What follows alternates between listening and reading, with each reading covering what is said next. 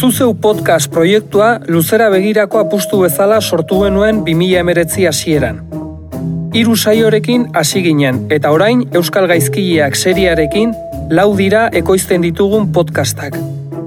Proiektuak entzuleak ditu oinarrian eta entzuleek babesten dute proiektua bera. Horregatik sortu dugu Patreon orrialdea. Audiogintza zuri esker egiten dugulako. Patreon orrialdean hiru arpidetza mota topatuko dituzu. Aukeratu egokiena iruditzen zaizuna, zuzeu podcast komunitatera batu eta proiektua babesteko. Sartu patreon.com barra zuzeupot elbidera eta arpidetu gure edukietara.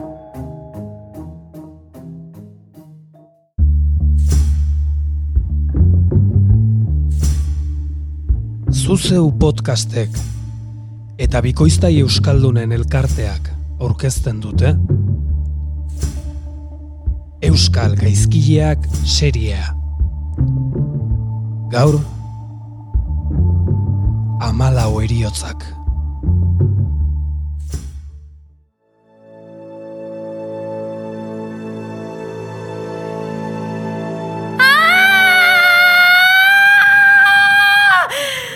Eman toalla. Ekarri da. Urbildu kandela.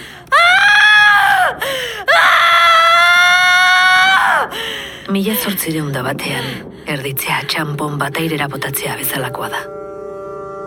Askotan hiltzen da umea, maiz ama, sarritan biak.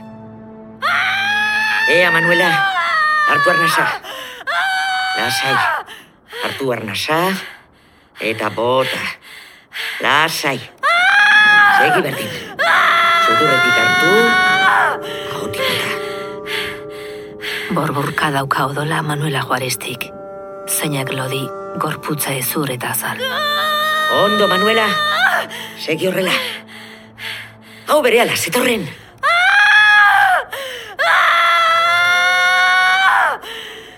Ederki islatzen dira munduko miseriak. Mendaroko baserri honetako gela xumean. Gaua da. Eta ez daukate kandela asko gela argitzeko. Manuela oso argaldako. Eta inguruan laguntzen dauzkanak ere, ez daude bere onenean. Baina inork ez du espero gela horretan gertatu behar duenak. Munduan izango duen eragin bortitza. Burua ikusi dinat! Gutxi falta den! Bultza! Bultza! Segi horrela!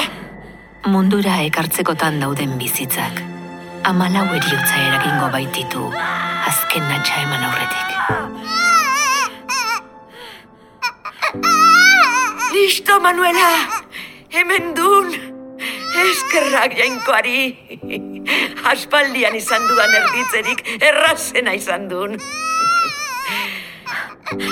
Ongi etorri, Jose. Nire Jose. Jose, larrañaga, Juaristi.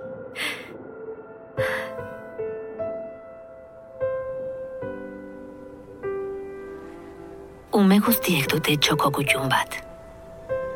Jose larrainagari izugarri gustatzen zaio, bere etxetik hurbil dagoen pago ipurdi batean eserita egotea. Txoko horretan sortzen den ezetasuna dela eta sekulako zomorro festa igarotzen da bertatik. Jose, asko erlaxatzen da harri bat eskuan hartu, eta zomorroak zanpatzen, azken egunetan gertatutakoak errepasatzen dituen bitartean. Ara, ara, Jose la pamerkez etorrek eta. Hiru soilik zaudete, Kosme.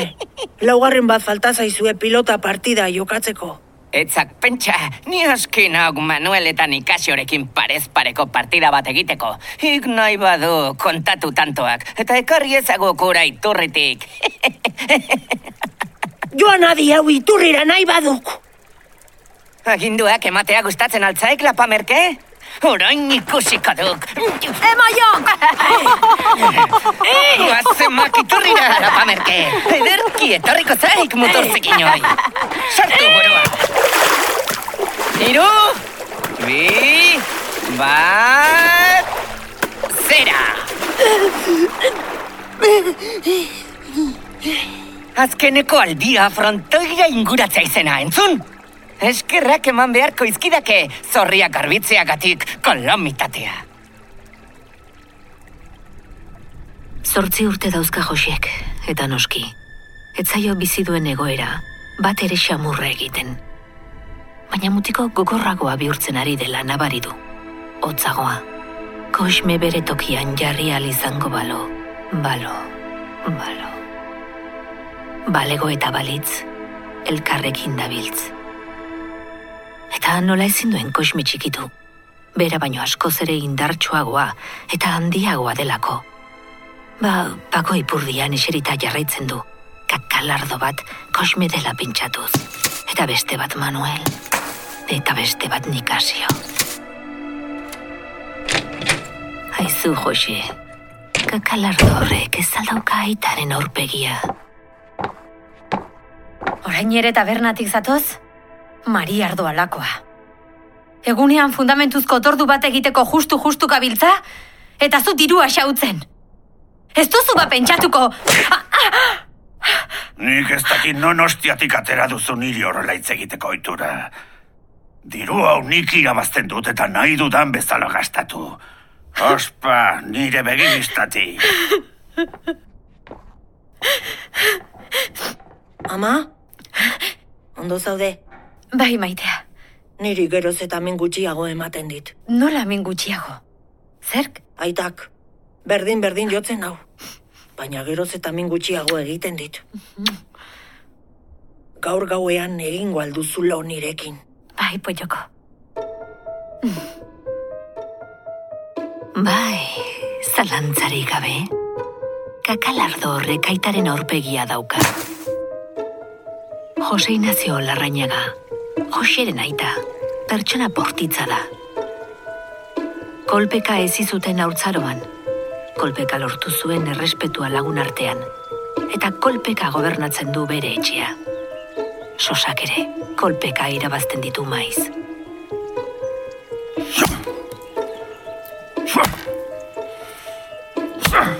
Aizkora kolpeka.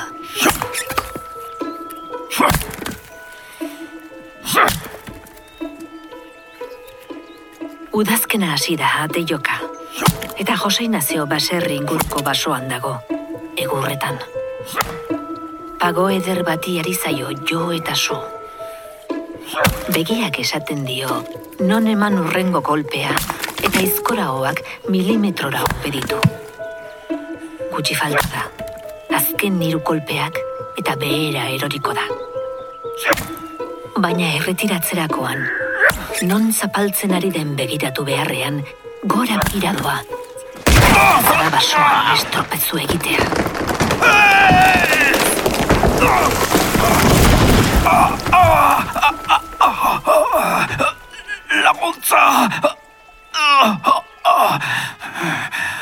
Laguntza! Lagundu!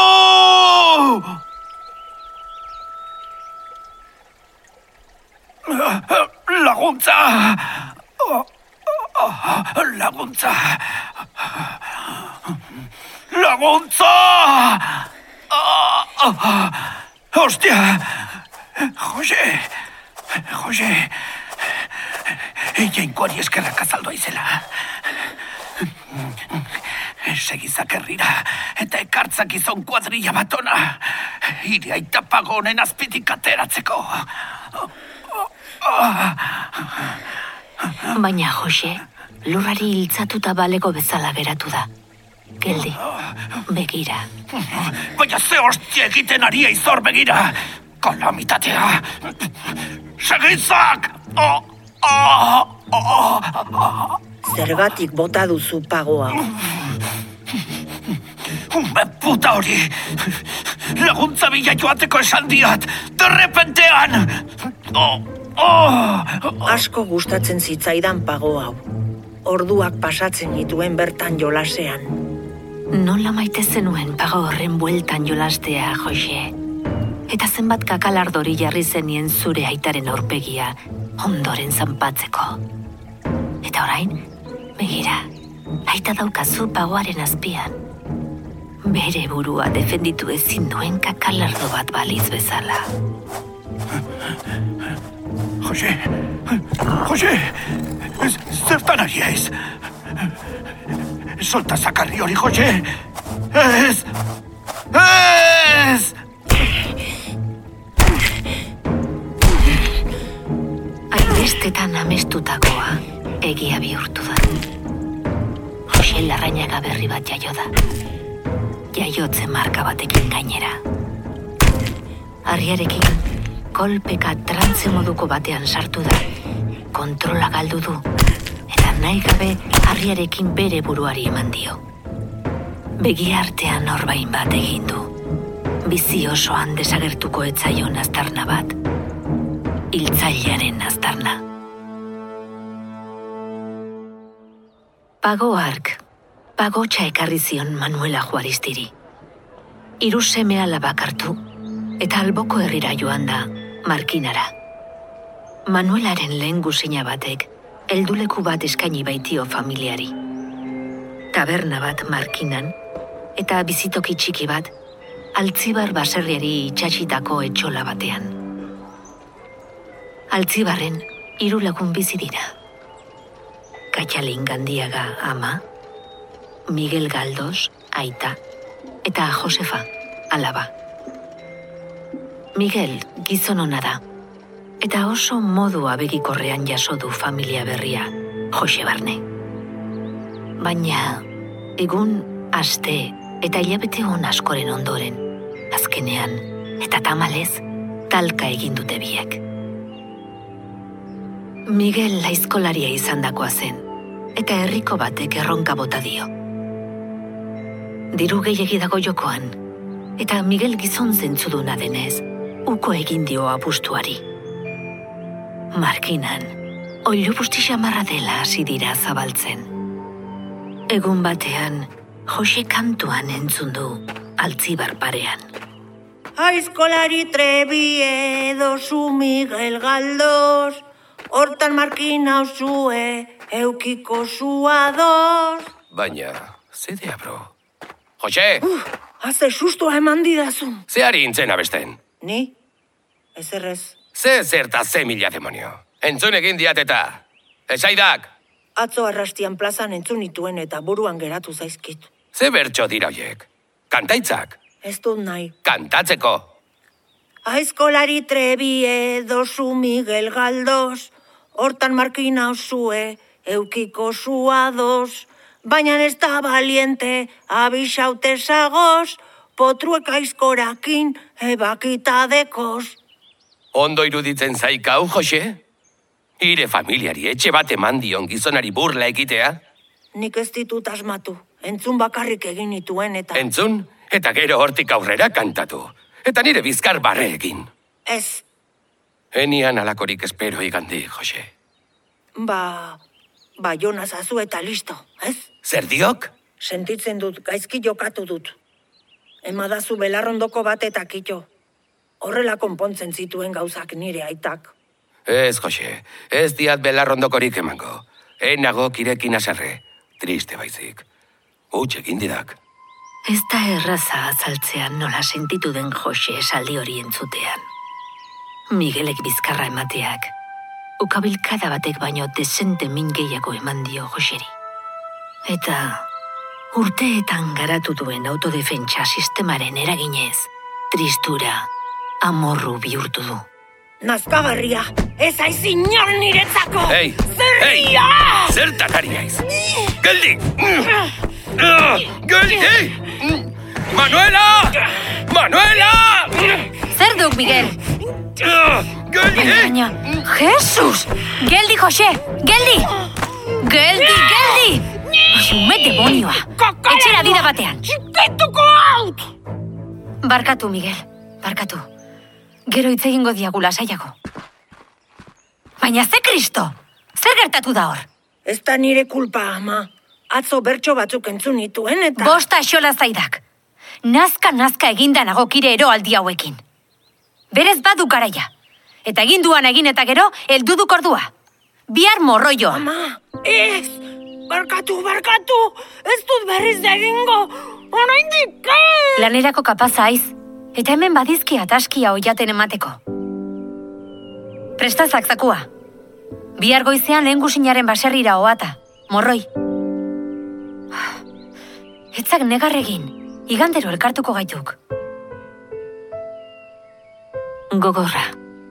Oso gogorra egintzaio Joseri altzi barruztea. Baina joan den tokian, berehala frogatu du balekoa dela lanerako. Sekulako sasoia daukan mutil bat dagoela entzun, eta markinako beste baserri batean eskini diote lana. Ordainduta gainera. Urte bete iraunduan Josek. Eta ama bosturte konplitu berritan, eskaintza hobe bat heldu zaio. Eta azpeitiko baserri batera joan da.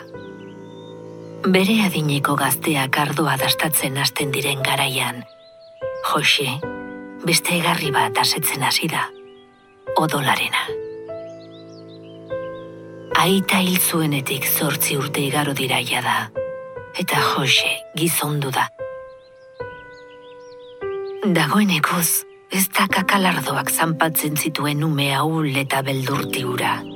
Baserriko lanetan aritu da jo eta zu, eta gorputz gihartsua eta boteretsua dauka. Eta okerrena da, gorputz indartsu horrek bere garunaren aginduak betetzen dituela.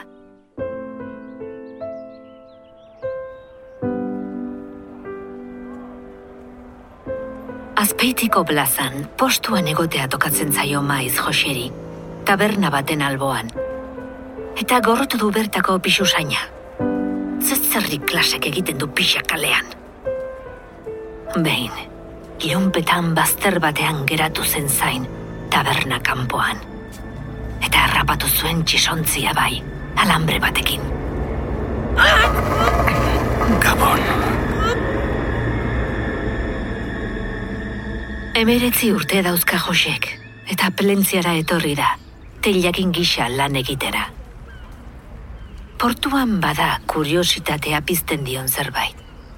Prostitutak. Josek, galdu die beldurra gizonei, baina oraindik erabat kikiltzen da emakumeekin. Prostituta bada aukerarik onena bai.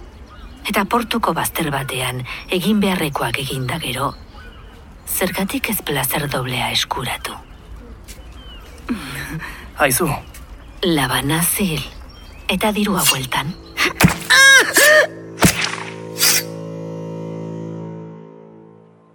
Azkoitian bizi da orain Jose, urtebete eskas iraundu itxasertzean.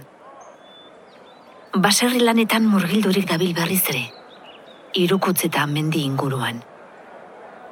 Igandea da, eta erromeria batera inguratu da.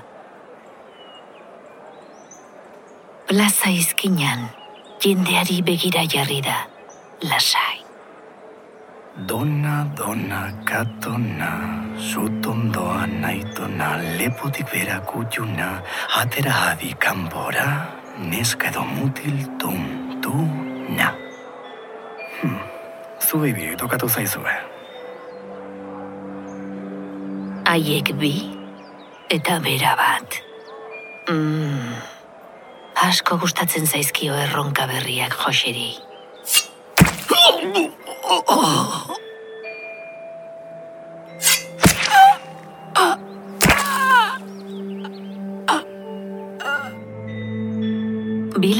aldi berean nilda agertzeak, gehiegi arrotu ditu hautsak. Ospa egitea erabaki du Josek. Eta egun batan, eta beste egun bat hemen igaroz, zean urira iritsi da.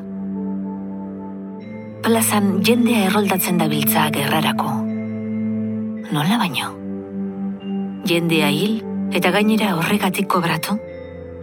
Berela eman du izena Josek. San Luisen neun mila semek jakingo baluten norekin egingo duten topo gudazelaian. Etxera bueltan leudeke derrepentean.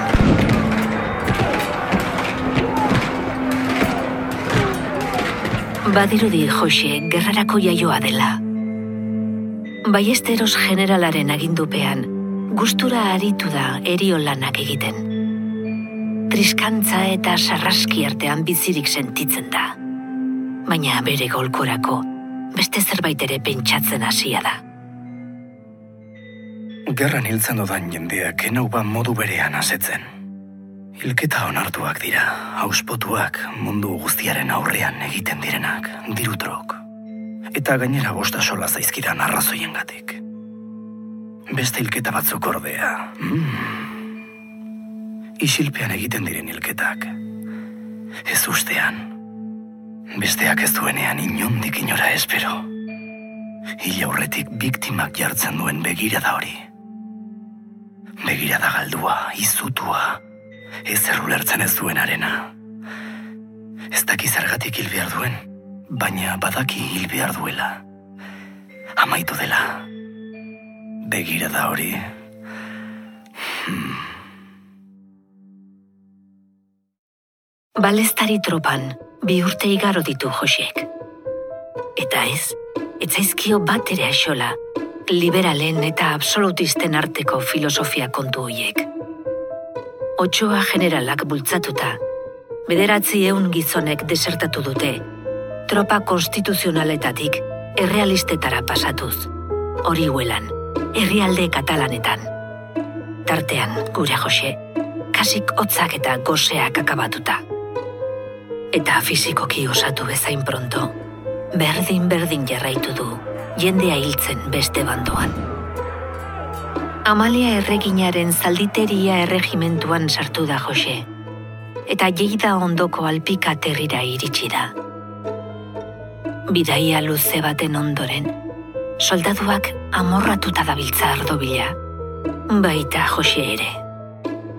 Gauez, etxe batean sartzea otu zaio eta hortxe topatu ditu biak, ardoa eta odola. Bost laguneko sendia, sekolo. Ama, aita eta hiru ume. Zeinen irudi ederra. Lehena aita hildu, zintzurra ebaki eta eskuarekin nahoa estaltzen dion bitartean. Ez da inor esnatu amarik endu dio bizia ondoren, modu berean. Ondoren, alaba zaharrenari, jarraian ertainari, eta amaieran txikia. Lau bat urte izango ditu. Zeinen sakon dagoen lotan. Erabaki bat hartu du Josek. Esnatu egin du. Eh, Umea begiak igurtzitzen hasi da eta zabaldu dituenean, inguruan zeukan irudiari eta parean zeukan gizonari erreparatu die. Ez du ez zer ulertu. Pintxatuko du ameskaizto bat dela. Begirada hori da gustatzen zaizuna ez da, Jose?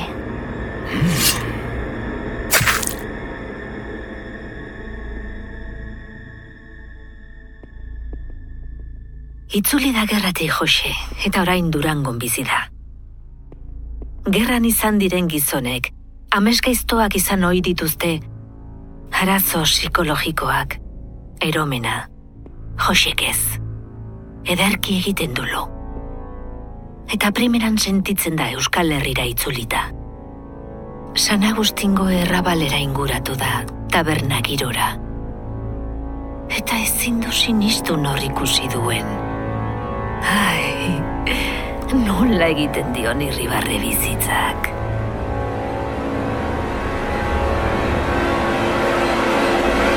Gabon, Cosme. Gabon, Manuel. Norra izi? Ez ala ez ninta zoroitzen. Jose Lapamerke model. Oiba, Jose! Aspaldiko! Nola aldatu eizen gizona? Baita zuek ere, ala jaina. Ama bos bat urte behintzat bai, zuek ikusi gabe. Ea, urrengo txikito erronda nire kontu.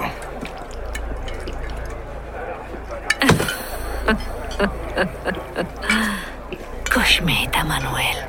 Jesus. Hazen nolako atxurra ari diren harrapatzen bi hartaburu hauek.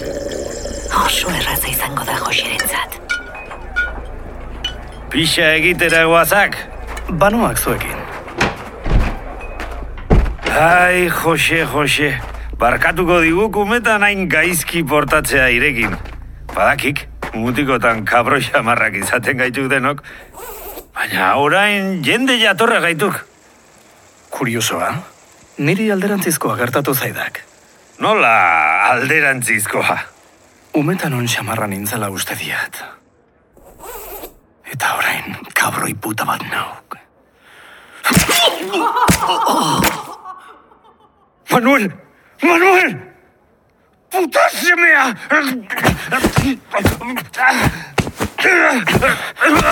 Baina hortzarora itzuliko gaitu, kosme. Oroitzea iz nirekin egitea gustokuen joko hortaz. Guazen iturrira. Zero.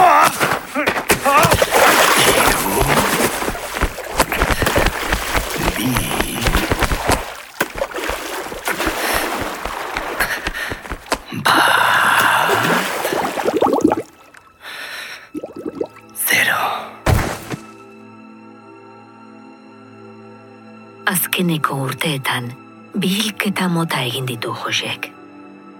Gerrakoak batetik, eta bere bidaide iluna asetzeko egin dituenak bestetik.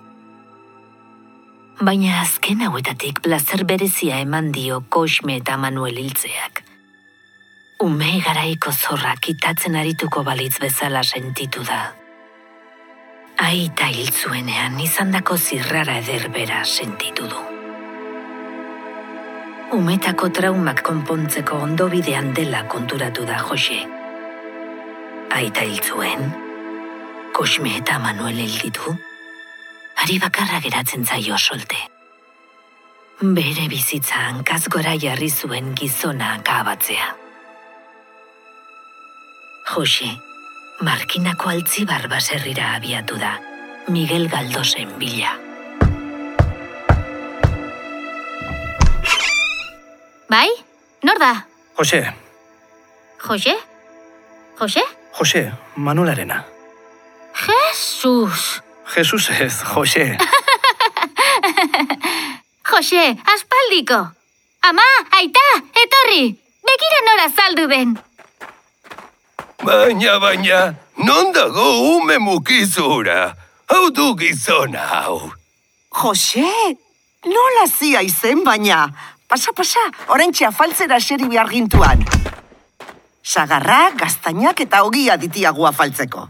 Zagarrekin eta ogiarekin azken iretzat.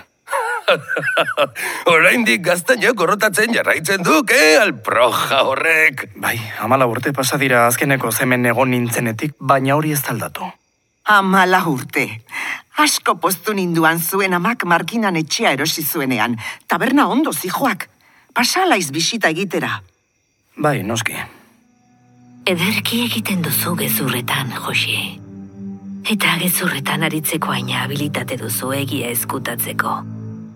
Ez baiti ezu esan, zertan ibilizaren azken urteetan, eta bereziki, zertara zatozen gaur. Ah, ederki afaldo diako. Beno, oera joateko garaia duk, Jose.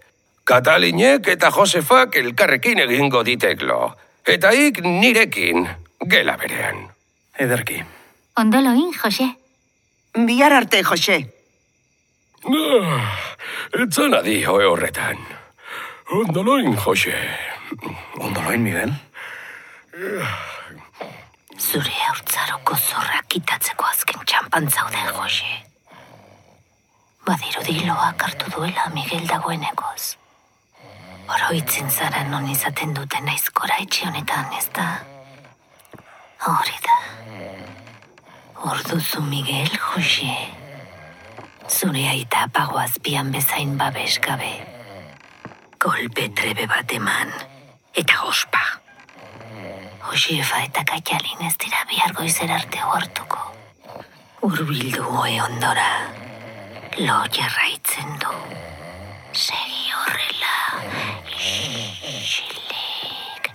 Con tus candelas, con tus candelas. ¿Eh? Caca. ¿Eh?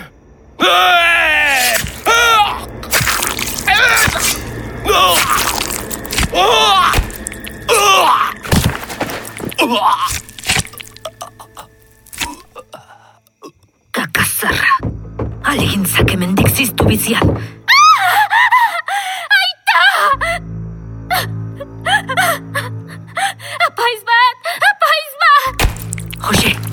Pasilloaren fondoan, katxalin.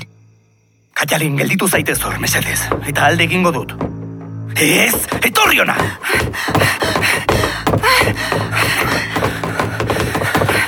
Ah, geldio! Sagarrondo honetatik hartzen itian nire gustoko sagarrak ia llegatzeko kapaz ezintzenean.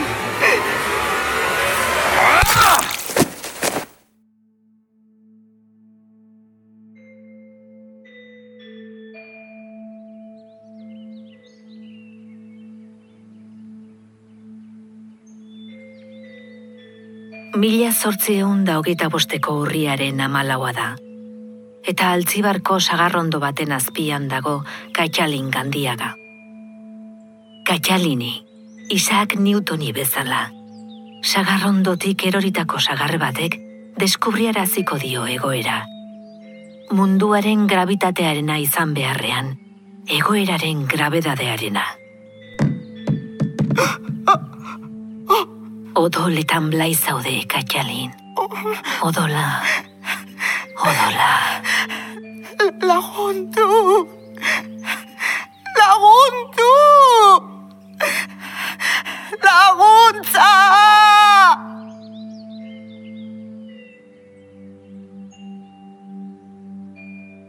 Miguel Galdos, unean berean hiltzen.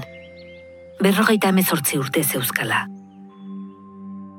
Katxalina gandiagak, irurogeita bat zeuzkan. Eta izkorakada jaso, eta bi egunetara hiltzen. Bizilagunei, gertatu zena kontatu eta gero. Josefa Mikaelak, hogeita hiru urterekin utzi zuen mundua. Urriaren amazazpian, egin zuen azkeneko gauza, bere aitaren apaiz bat eskatzea izan zen. Ordutik ezbaitzituen berriz begiak zabaldu. Poliziak, deskribapen hau zabaldu du lau aizetara. Jose Larrañaga Juaristi, hogeta lau urte, altuera arrunta, begi urdinskak, sudur normala, bizar erregularra, aurpegi zabala, kolore zuriska, marka partikularra, orbain bat kopeta erdian, bi begi kasen artean, ez daki sinatzen, eta ofizioz argina da. Azaroaren bian atxilotu dute Jose Santanderren, hilketak gertatu eta hogei egunera. Bere ala eraman dute Bilboko espetxera, eta diligentziek iraunduten bitartean, girgiluekin lotuta izan dute. Epaiketa eta ikerketa ez dira bi eguneko kontua izan. Ekainaren amabian, zazpi hilabete beranduago, jakinarazi diote sententzia Joseri. Jose, garrote zirko haute etzi. Apaiz bati deitzea nahi duk? Ez diat nahi apaizik. Bertsolari bat nahi diat. Nola? Bertsolari bat? Bai. Infernurik baldin badago leku privilegiatua zeukat bertan erreserbatuta. Ez er gutxi egingo dik nigatik apaiz batek. Hobeto zetorkidak bertsolari bat. Konforme, ik jakingo du. Ze bertsolariek hartzea nahi duk? Idazten dakien edo zein. Kaixo, bertxolaria naiz. Nire izena... Bosta xola zaidak ire izena. Entzun eta ondo apuntatu. Ez zaidak eta denbora asko geratzen. Nire mak ez dik nahi izan ni bizitatzera etorri, eta bertso hauek beretzat izan behar ditu. Bertsoetan jarri ezak beste hiltzaile asko bezalakoa naizela. Enaizela espeziala, diruarengatik egin ditudala egin ditudanak. Ik nahi duan ukitu poetikoa emaiok, baina argi geratu dadila, damu naizela egindakoaz. Eta, ala duk? Damu aiz? Um, ez, ama lasaiago gera da bat. Beno, damu, damu, azkeneko bi ez bai. Josefak eta Katxalinek etzien alakorik merezi. Iritsi da ekainaren amalaua, eta Bilboko plaza publikoa leporaino dago. Simple eta azkar egin dituzte egin beharrekoak. Kredo bat errezatu, eta Jose Larrañaga garrote zil.